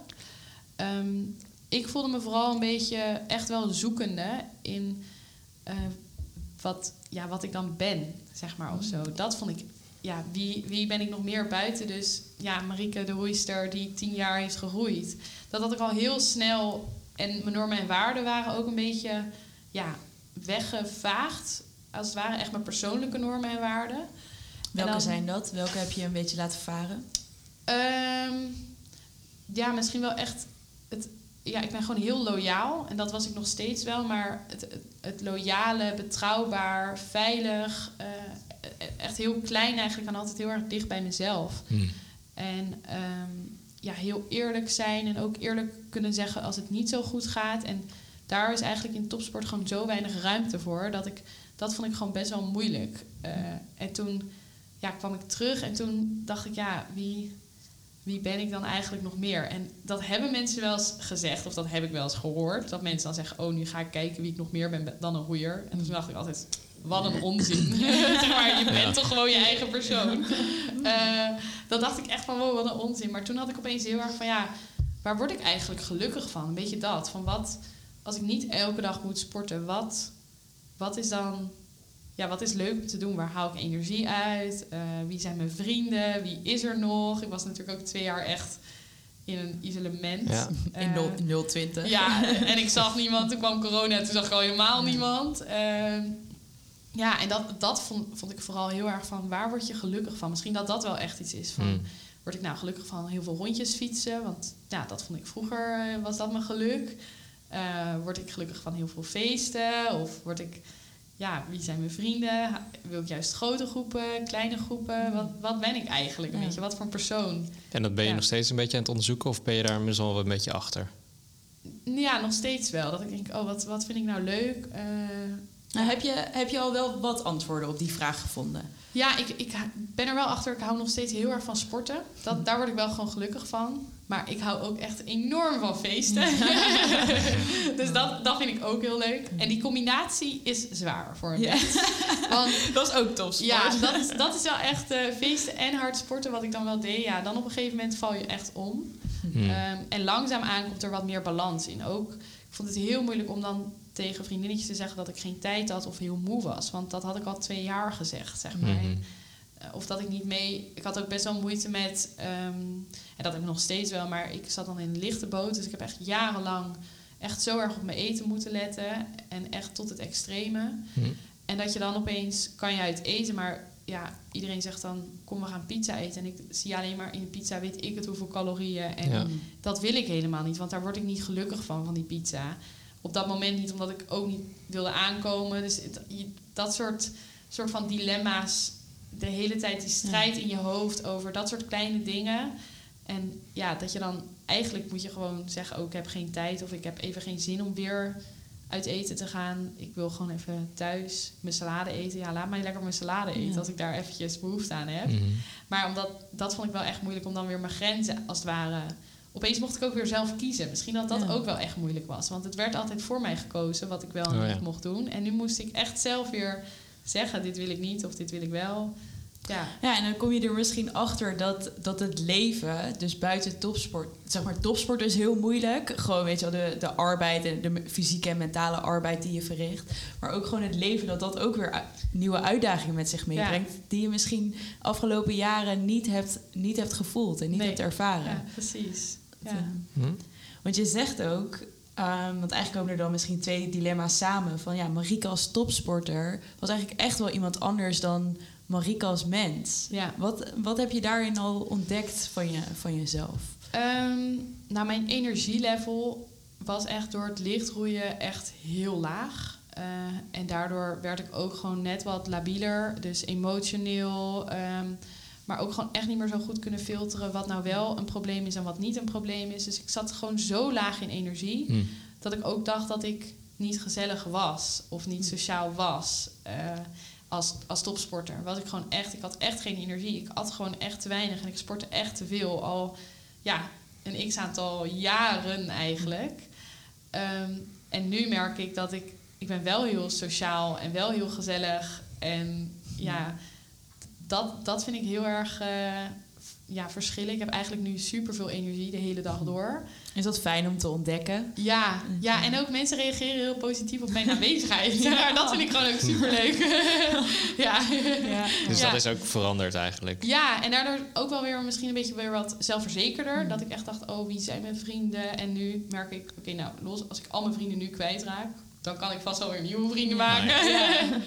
Weet je dat vooral? Hmm. En ehm, ja, laatst was ik dan met iemand aan het praten en die zei zo... eh, dat was voor een eh, samenstelling van iets. En die zei, ik zei, ja, maar dat heb ik helemaal niet gedaan de afgelopen twee, drie jaar. Kan ik dat wel? En toen zei diegene, het maakt echt niet uit of jij iets wel of niet kan. Als jij in een groep staat, dan wordt het sowieso leuk. En dat is wat dit uiteindelijk moet zijn. En toen dacht ik, oh, wow, Ja. gaaf. Oké. Mensen vinden me leuk, ja, om wie ik ja, ja. ben. Ja, gewoon Maar echt... eh, volgens mij raak je daar wel iets wat veel sporters denk ik wel eh, moeilijk vinden. Is van ik ben voor heel veel mensen die sporter, ja.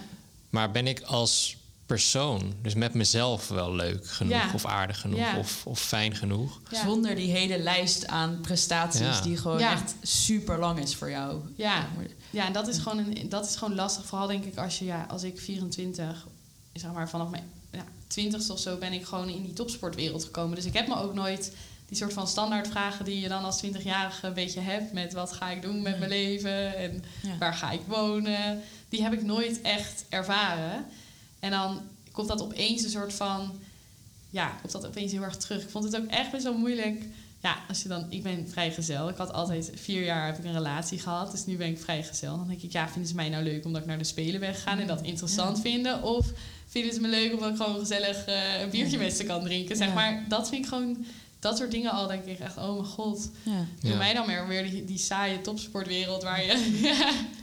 Lekker alles onder controle Ja. hebt. Precies weet, precies weet wie je dat, bent ja. en eh, gewaardeerd wordt. je moet even uit je comfortzone Ja. weer. eh.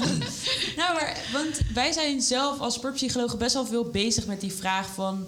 of wij vinden het belangrijk dat sporters meekrijgen... wie ben je nog meer naast het, naast het label topsporter? Want Ja. je bent veel meer. En eigenlijk hopen wij en proberen wij dat sporters die vraag gedurende hun carrière Ja. ook leren beantwoorden. Het hoeft geen klaar, zeg maar, pas en klaar antwoord te zijn... maar dat je het leert daarover na te denken. Ja. Dus eh, ik, ja, ik ben wel eens benieuwd, heb, heb jij dat gemist? Ja, ja, je bent gewoon echt. Nou, ik zeg niet dat je een nummer bent, maar wel een beetje. Zeg maar, en vooral vind ik heel erg in eh Nederlandse ja, topsportklimaat wat er gewoon is. Het gaat echt zo erg veel over medailles. En ja, ik kan het woord medaillespiegel denk ik echt niet meer aanzien. Want dat werd me gewoon zo vaak gezegd voor, tijdens, na de Spelen. Ik dacht echt, doe even normaal. We zijn gewoon mensen, zeg maar. Mhm. Ik, was, ik ben er echt allergisch voor, voor dat woord geworden. Want we waren zoveel en ik dacht echt, Ja. nee, maar nou, lekker boeiend, zeg Ja. maar. Ja, Ja. Ja. interesseert mij het wat. Eh, en dat- ja. Als je, als- misschien een vraag daarop. Dat is ook iets waar wij met Jaap nu enorm veel mee bezig zijn. Van wat is dan eigenlijk dat topsportklimaat? Want we zien het heel veel fout gaan op momenten. Hè? Of er komt heel veel naar buiten over waar het niet goed gaat. eh, in het, nou ja, laat ik het even zo zeggen, in het behandelen van sporters als mensen. Ehm, jij zegt net ook van ja, ik heb eigenlijk heel lang veel. eh, er is geen ruimte om even te zeggen dat het niet goed met je gaat. Eh, dat, is, dat kan niet in de topsport. Dus dat zei je net eigenlijk. Ja. Daar is geen ruimte voor. Hoe, hoe kijk je daar, ehm, nu je er even uit bent gestapt, voor, voor eventjes volgens mij, hè? hoe kijk je daar nu tegenaan? Denk je dat is iets wat anders moet of dat is iets wat daar gewoon bij hoort? Hoe zie jij dat? Nou, er wordt gezegd dat dat bij topsport hoort. En dat Mhm. wordt je ook aangeleerd, zeg maar. Ik vond het ook normaal dat het niet leuk... Ja, het hoeft niet altijd leuk te zijn. En Ja. topsport is nou eenmaal heel hard werken. En dat is het ook. Ehm, maar ik denk wel dat als, als ik doorga... dat ik zeker daar meer ehm, aandacht voor mezelf voor geef. Van hoe kan je het dan leuk maken voor jezelf? Of hoe kan je ervoor zorgen dat het iets leuker is? Eh, Ja. Want ja, je hoort het gewoon nu ook weer bij het hockey. Van je, er zit gewoon echt in onze opvoeding. Topsport is heel zwaar en dat hoeft niet leuk te zijn. Maar als je medaille hebt, dan is alles goed. Ja. Dat is gewoon... En als je geen medaille hebt, ja, dan moet je doorgaan totdat je medaille hebt. Ja. Of Precies. Of je moet het een is goede niet gelukt. sportpsycholoog zoeken. Ja. Precies. Nou, Ja. en, ehm, ehm, Nou, Thijs, mag ik, Ja. voordat je je vraag stelt, wil ik je wel echt bedanken, Marike, dat je dit, dat je dit zegt. Want ehm, ik zeg heel eerlijk, nou, dit is echt onze, onze missie om eh, plezier en presteren meer hand in hand te laten gaan. En wij geloven ook echt dat dat kan. En soms ja, word je even een soort van uit het lood geslagen of word je, hoe zeg je dat, aan je stoelpoten gezaagd. Of dat ook wel daadwerkelijk haalbaar is. Ja. Maar als jij dit zo zegt, dan is het voor mij weer een bevestiging van ja, Thijs, dit is echt ons bestaan, bestaansrecht. En Ja. dit is echt waarom Jaap ook bestaat. En, ehm, ja, en waarom mijn vuurtje dan alleen maar harder gaat branden. Want toen je dit net zei, dan ja, ik, ik voel dat dan heel erg bij mezelf wanneer ik dan toch emotioneel word of kippenvel. En eigenlijk raakte je me hier Ja. weer zo erg mee. Dat ik denk, verdomme, we, we leren sporters inderdaad dat het. Dat het Ja. bikkelhard moet zijn en dat het niet leuk mag zijn. En wij zeggen ook niet dat het altijd leuk moet zijn, maar ehm, het is wel uit balans. Ja. Nou ja, dat, kijk, plezier betekent niet dat het altijd lachen moet zijn. Hè? Want jij zegt net zelf van ja, weet je, dat roeien, zo'n wedstrijd, dat is gewoon degene ge- durven afzien. Ja. Alleen daar, ook daar kun je fucking veel plezier ja. uithalen. Ja, en daar haalde ik dus ook nog echt. Ik hou echt van heel hard werken en Ja. heel hard trainen. En dat vind ik het mooiste wat er is. Alleen alles wat daar omheen soms komt kijken. En die, die prestatiecultuur en het, ja, het accepteren hoe sommige dingen gaan. En ja, dat is gewoon ja, jammer, denk ik soms. En ik denk ook dat het moeilijk is om dat zomaar te veranderen. Want ik Mm. weet niet of ik het kan wel zeggen. Ik wil, eh, als ik nog een cyclus ga doen, ga ik er meer plezier in hebben. Maar ja, eh, je bent zo weer in een oud patroon en je houdt het vol, want je hebt Ja. gewoon Ja. een doel. En ja, ik denk dat, het, dat dat gewoon echt wel jammer is. Vooral als junior was ik er zo niet mee bezig. Dat ik echt, toen straalde het plezier van Ja. mij af. Mm. Echt, dat zegt iedereen van hoeveel plezier. Je was niet eens bezig met die wedstrijden, zeg maar. Het interesseerde je niet. je was gewoon alleen maar lol aan het trappen. Ja. En waarom kan dat niet? Ook zeg maar als we volwassen zijn. Zeg maar, ik speel je fit, durf het kind Ja. van jezelf of zeg maar Ja. mee te nemen in de volwassen in je volwassen carrière als topsporter. Dat, dat zou toch mogelijk moeten ja, zijn. Ik denk vooral dat het echt de, de taak is eigenlijk van de coaches om dat meer eh, ook los te kunnen laten. Ik bedoel, al die topsporters zijn control freaks, maar de coaches die, die zijn nog meer control freak. eh, in die zin dat, ze, dat je alles altijd perfect moet doen. En ik al kleine dingen vroeger voor een wedstrijd. Je, hebt dan, je ligt dan klaar, je hebt nog drie, vier minuten. Daar staan allemaal camera's. Ja, ik ga gewoon lekker zwaaien naar die camera's. Zeg maar, dat deed ik vroeger. Ik heb ook echt gewoon geposeerd als grapjes. zeg maar, Ja. nou ja, dat heb ik de laatste jaren echt niet meer gedaan. Omdat je gewoon zoiets hebt van... oh, dat, dat kan echt niet. Want dan ben je Ja. niet serieus. Dan ben je niet gefocust op je Ja. wedstrijd. Ja. Dus je dat gevoel. Dus die conclusie wordt er dan aange, ja, aangehangen. ja. Hey, en ehm, ik heb nog een paar vragen. We kijken ook heel even met een schuin oog naar de tijd. Er zijn een aantal dingen die ik zeker nog aan je wil vragen. En ehm, dat is aan de ene kant, ehm, laten we daar zo mee eindigen, van wat, wat voor ambitie of plannen heb je nou nog in de sport en wat wil je daarmee? Maar daarvoor, en misschien gaat het je wel helpen bij dat antwoord. Wat is voor jou, wat maakt de roeien leuk? Wat, waar haalde jij plezier uit? Je zei net al, ik hou van hard werken. Wat, Ja. wat kun je dat uitleggen? Kun je dat pinpointen? Ja, hard werken, ehm, echt afzien en dan gewoon helemaal uitgeteld. En dan denk ik, ah, ik heb het toch wel even gedaan, zeg maar. Ik had ook kunnen stoppen. Eh, en dat doe je dan niet. Dat vind ik echt mooi. Gewoon echt het doorzettingsvermogen komt echt naar boven. En wat ik zelf aan roeien zo leuk vind is... Nou ja, ik doe dat dan het liefst op de Rotte in Rotterdam. En dat is gewoon... Je bent zo één met de natuur. Hmm. En nou heb ik het geluk dat ik technisch supergoed kan roeien. Dus dat ik ook niet zo bezig ben met roeien als ik aan het roeien ben. Maar ik verdwaal gewoon een beetje op de rotte. En ik kijk een beetje naar de vogeltjes. En ik kijk een beetje naar de mensen die op de kant aan het fietsen zijn. En ik verdwaal dan gewoon eventjes terwijl ik aan het sporten ben eigenlijk. En dat, dat kan ik ook in hardlopen en fietsen hebben hoor. Dat moet ik eerlijk, eerlijk toegeven. Ja. En dat vrije gevoel, zeg maar... Ja, vooral in Rotterdam, je komt soort van, je gaat dan de snelweg onder en dan opeens ben je in de natuur. En opeens, vroeger als kind had ik dat echt, ik had altijd super veel stress met school en zo. Ik ben echt geen stu perfecte student.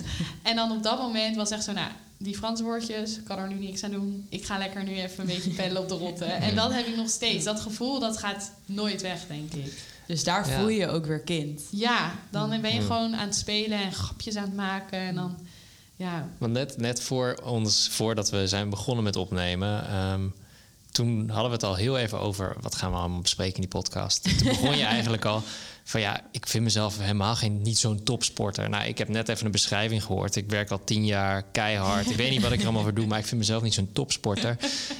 En je zei daarin ook van ja, als ik me toch zorgen moet gaan maken over, over of ik een medaille wel of niet heb gehaald, dan daar wil ik niet mee bezig zijn. ja. Ja, leg uit. Sorry, want dat, is, dat triggert Ja. mij heel erg. Nou ja, ik, ik, ik vind het gewoon een beetje gekke werk om te denken dat dit de wereld is. Zeg maar. De- Mhm. dat topsport het belangrijkste is wat er is. Ehm, ik, kan, ik kan dat gewoon niet naar mezelf goed praten. Zeg maar. Ik bedoel, kijk nu in de wereld wat er gebeurt. En dan als Nederland hebben we het al hartstikke goed voor elkaar. Maar kijk naar wat er allemaal in de wereld gebeurt. En dan denk ik, dan zou het toch zonde zijn als ik echt diep, diep, diep ongelukkig ga worden van een wedstrijdje op een bepaalde dag, een bepaald uur. Misschien als het één seconde later onze wedstrijd was gestart, was die golf daar misschien niet geweest. Ja, ik kan dan gewoon niet, ik kan dan daar, daar niet echt mee zitten. Dat lukt mij gewoon niet. St- Stel dat jij, wat je zei, ook letterlijk. eh, ik ben toevallig hier heel goed in. Ja. Dus ja, weet je, dan mag ik naar die Olympische Spelen. Super cool. Ja. Stel nou dat jij niet in die boot was, had gezeten, of je had misschien nog wel één of twee niveaus lager, eh, was jou, had jouw top gelegen. Ehm, had je dan ook zo, hoe zeg je dat, mo- monomaan ehm, geleefd met je sport, voor je sport? Als je, die, als je de middelen had gekregen, hè? of het kan had gehad. Ehm, ja, eh, weet ik niet. Ehm, Moeilijke vraag. ja, Ja, ik weet het. ja, nou ja, ik, ik ben er wel echt heel goed in. Dus dat is wel. En ik bedoel, ik heb natuurlijk ook hartstikke hard gewerkt. Eh, ja, zeg maar. Ik vind Ja, het dat- grappig om, om te zien hoe, hoe jij dat wegmoffelt. Zeg maar, Mhm. dus je bent er goed in en ik heb er heel hartstikke hard voor gewerkt. Dat je dat een soort van bijna binnensmond zegt, terwijl je hebt er gewoon super hard ook voor gewerkt. Ja, maar de helft van de tijd voelt dat dus niet zo, Mhm. denk ik. Omdat het gewoon, alleen de laatste twee jaar vond ik gewoon Mm. echt zo zwaar. Mhm. Ehm, En dat doe je allemaal met dat doel. ja, toen was opeens dat doel heel belangrijk. Ook Ja. plezier uithaalt, neem ik aan. Of, ja, of niet. nou ja, uiteindelijk vond ik de spelen niet super leuk. Maar Nee, nee oké. Durf je dat, ja, nu, nu zeg Ja. je dat, durf je dat ook inderdaad gewoon te zeggen van ja, jongens. eh, ja, ik vond het eh, niet super leuk. hmm. Dus Hmm. ik kan niet nu, de- en dan ga ik meteen over de volgende vraag: van wat ga je dan ja, doen? Ik kan nu niet tegen mezelf zeggen: ik wil nog een keer naar de spelen, dus ik ga door. Nee. Maar ik hou wel nog heel erg van het topsportleven. Dat vind ik echt het mooiste wat er is. En dat voelt echt als een soort ja, privilege dat je dat kan. Omdat ik dus blijkbaar heel veel talent heb en hard kan werken. Ik heb ook gewoon talent om hard te werken.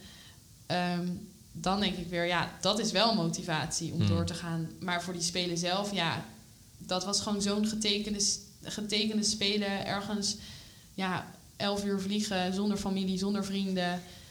Ja, dat. eh, Dus zou, je dan- zou je het niet... Sorry Thijs. maar zou je niet ehm, de volgende keer is in Parijs... over drie jaar, eigenlijk heel vijf uur van, van Ja. eh, Rotterdam vandaan... ehm, laten we ervan uitgaan dat er dan even niet in deze mate corona is. Ehm, zou je niet, heb je niet zoiets van... Oké, ik wil gewoon nog eens even ervaren hoe een echte spelen is. ja, nou ja, maar dan denk ik. Dat kan ook op de tribune. Ja. Ja, maar dat, zegt ja. wel iets over je, inderdaad. Ja, dus- dat, dat is iets voor jezelf om over na te denken. En de vraag die we ook nog hadden is van topsport is leuk. Toen zei je ja, maar ik hoor hierin van je vindt het sporten heel leuk. Ja. Toevallig, Ja, hè, als ik even mijn samenvatting ervan geef, toevallig mag je ook aan topsport doen. ja. Maar je zegt nu ook van ja, die als ik vanaf de tribune in Parijs mag zitten, vind ik het eigenlijk ook heel cool. Ja, ja, ik denk, en dat is iets wat ik gewoon moet gaan uitzoeken. Of ik het nog kan opbrengen om weer zo streng voor jezelf te zijn als topsporter. En op dit moment kan ik me niet voorstellen dat ik niet meer ga roeien, want ik vind het nog heel leuk en ik heb naar mijn zin.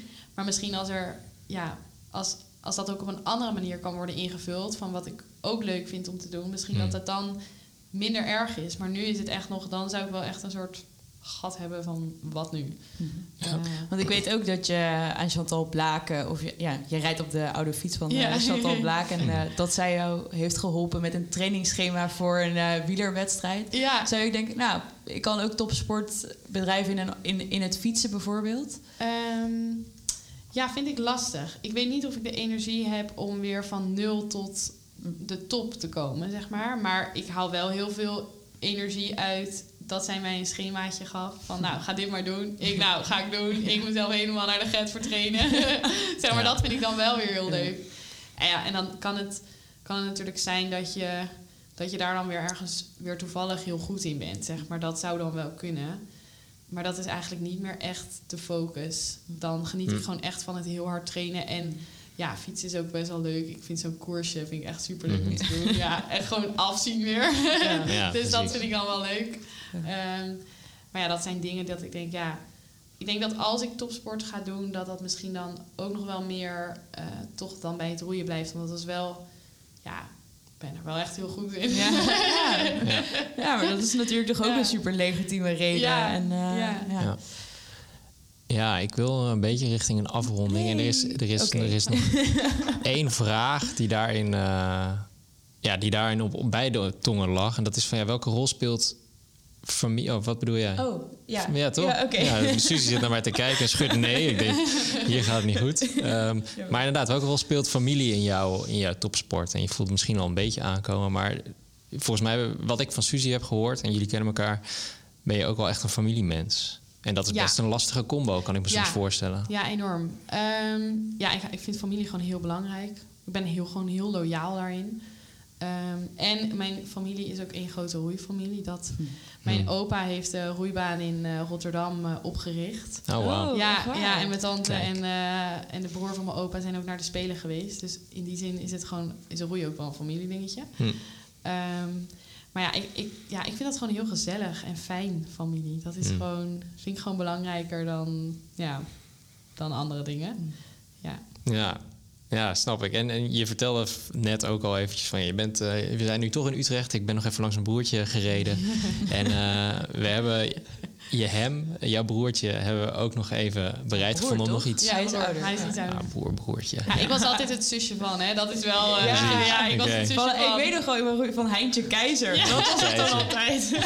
Ik heb echt tien jaar moeten roeien om mijn eigen naam te kunnen, Ja. kunnen Dat is je krijgen. eigen, precies. Dat was gewoon het doel. Ja, ik wilde gewoon ook Ja. een keertje mijn eigen naam.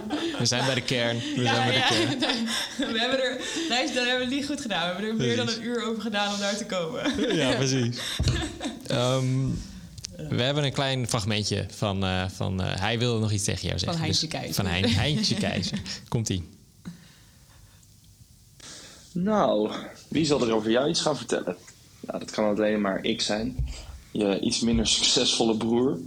Eh, ik weet het nog goed hoe jij ooit bent begonnen met eh, dat fantastische roeien. We waren samen altijd al vrij competitief. Dat eh, begon allemaal bij de Wii, Wii Sports. We konden elkaar niet luchten of zien. Grote strijden zijn er gestreden in onze woonkamer. Eh, en ik ging op, een gegeven moment roeien. En toen dacht ik, weet je wat, ik neem Marieke een keer mee. Die vindt dat vast leuk. En dat was een schot in de welbekende roos. ehm, waar ik eh, twee jaar lang had getraind om naar het junioren-EK te gaan, werd ik uitgeselecteerd. En jij hebt binnen een halfjaartje een plekje veroverd in de squad. De Coupe de la Jeunesse was dat. En eh, vanaf dat moment is het eigenlijk ja, sky high gegaan met jou. Ik had ook eigenlijk niet anders verwacht, want eh, ja, je bent een echte doorzetter. Je bent mega gedisciplineerd. Eh, op het vervelende af af en toe. Maar eh, sinds dat moment ja, heb ik eigenlijk alleen maar trotse momenten gekend. Van een WK tot een EK, van een junioren WK tot een junioren EK. En toen uiteindelijk jouw grote droom de Olympische Spelen. Nou ja, ik zou voor niemand, maar dan ook voor niemand om half drie s'nachts uit mijn bed komen. Om acht minuten naar bootjes te kijken. Maar dat hebben we wel voor jou gedaan, natuurlijk, logischerwijs. Ik moet toch ook weer zeggen dat dat een hele bijzondere ervaring was om, om drie uur s'nachts toch een biertje open te trekken. In plaats van aan de thee of koffie te gaan. Want ja, je zusje die is aan het roeien op de Olympische Spelen. En ik vond het wel heel bijzonder om te zien dat er zoveel mensen naar jou hebben gekeken. En dat er zoveel mensen van je hebben genoten. Want dat moet je niet vergeten, ondanks dat het resultaat misschien anders is dan je had gewild. Nou ging je wel met een dikke vette plak naar huis. Dus ja, dat vind ik sowieso niet dat je moet eh, klagen of zeiken.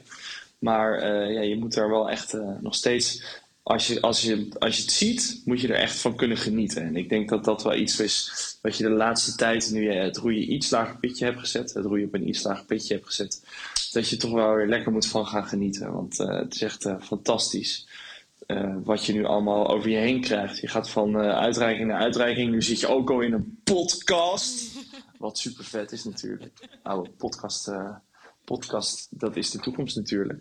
Maar eh, nee, ik hoop je gewoon eh, snel weer te kunnen zien. En snel weer leuke dingen met je te kunnen doen. En ik ben heel benieuwd wat eh, het leven allemaal voor jou nog in petto heeft. Dat klinkt heel mysterieus, maar dat valt allemaal wel mee. Ik denk dat het sowieso allemaal wel goed komt. En ga er gewoon van genieten van wat je allemaal hebt bereikt op deze jonge leeftijd. Dit was hij trouwens, je broer, voor als je het nog niet door had. Doei! Ja. Oh, hoe was het om te horen? ja, leuk. Ik vind het ook leuk om... Dat, ik heb mij wel vaak schuldig gevoeld dat het altijd over dat roeien van mij ging. En nu, eh, ja, we hebben al, denk ik, toch wel drie feestjes samen ge- meegepakt. Oh, mooi. Is echt wel heel erg gezellig. Ja. Ja, het is echt wel leuk. leuk. Ja, heel lief. Goed. Wat, eh, wat een fijn gesprek zo. Ik, Ja. ik, ik ga hem eh, afronden. Ehm, volgens mij hebben we echt enorm veel besproken. En hebben we echt een inkijk gekregen in het leven van, van een echte topsporter. Want zo zie ik het wel. Eh, en ehm, heel erg bedankt voor je openheid, eh Marieke. Ja. Ja, echt, ehm echt dankjewel. Ik ben echt heel trots en blij dat je hier eh, aan tafel bent geschoven. En ik wens je ook heel veel plezier in je, in je zoektocht van wat, wat wil je nu en, eh, en wie je bent. Dat, dat, Ja. eh, dat die reis ook gewoon heel leuk mag zijn. Ja, dat Yes. is ook hartstikke leuk. Fijn, dankjewel. En ehm, voordat we hem helemaal afsluiten, wil ik ook nog een paar anderen bedanken. Namelijk Koen van Dalfsen voor onze toffe tune. Eh, Ronald Stolk en Robert Slippens van Studio 2, die ons deze podcast set altijd eh, beschikbaar stellen. En eh, natuurlijk jou, Marieke, nogmaals. heel erg dank voor je tijd en je verhaal. Wil je nou nog reageren op deze aflevering? Wie iets van Marieke weten? Laat het ons dan even weten via onze Instagram, jaap-eu. Check onze website jaap.eu of mail even naar info.jaap.eu. En vond je het nou leuk? Ehm, dan kun je ook een eh, review en beoordeling achterlaten op Apple Podcast. En eh, gewoon even ons kanaal volgen op Spotify. Dankjewel en tot de volgende keer.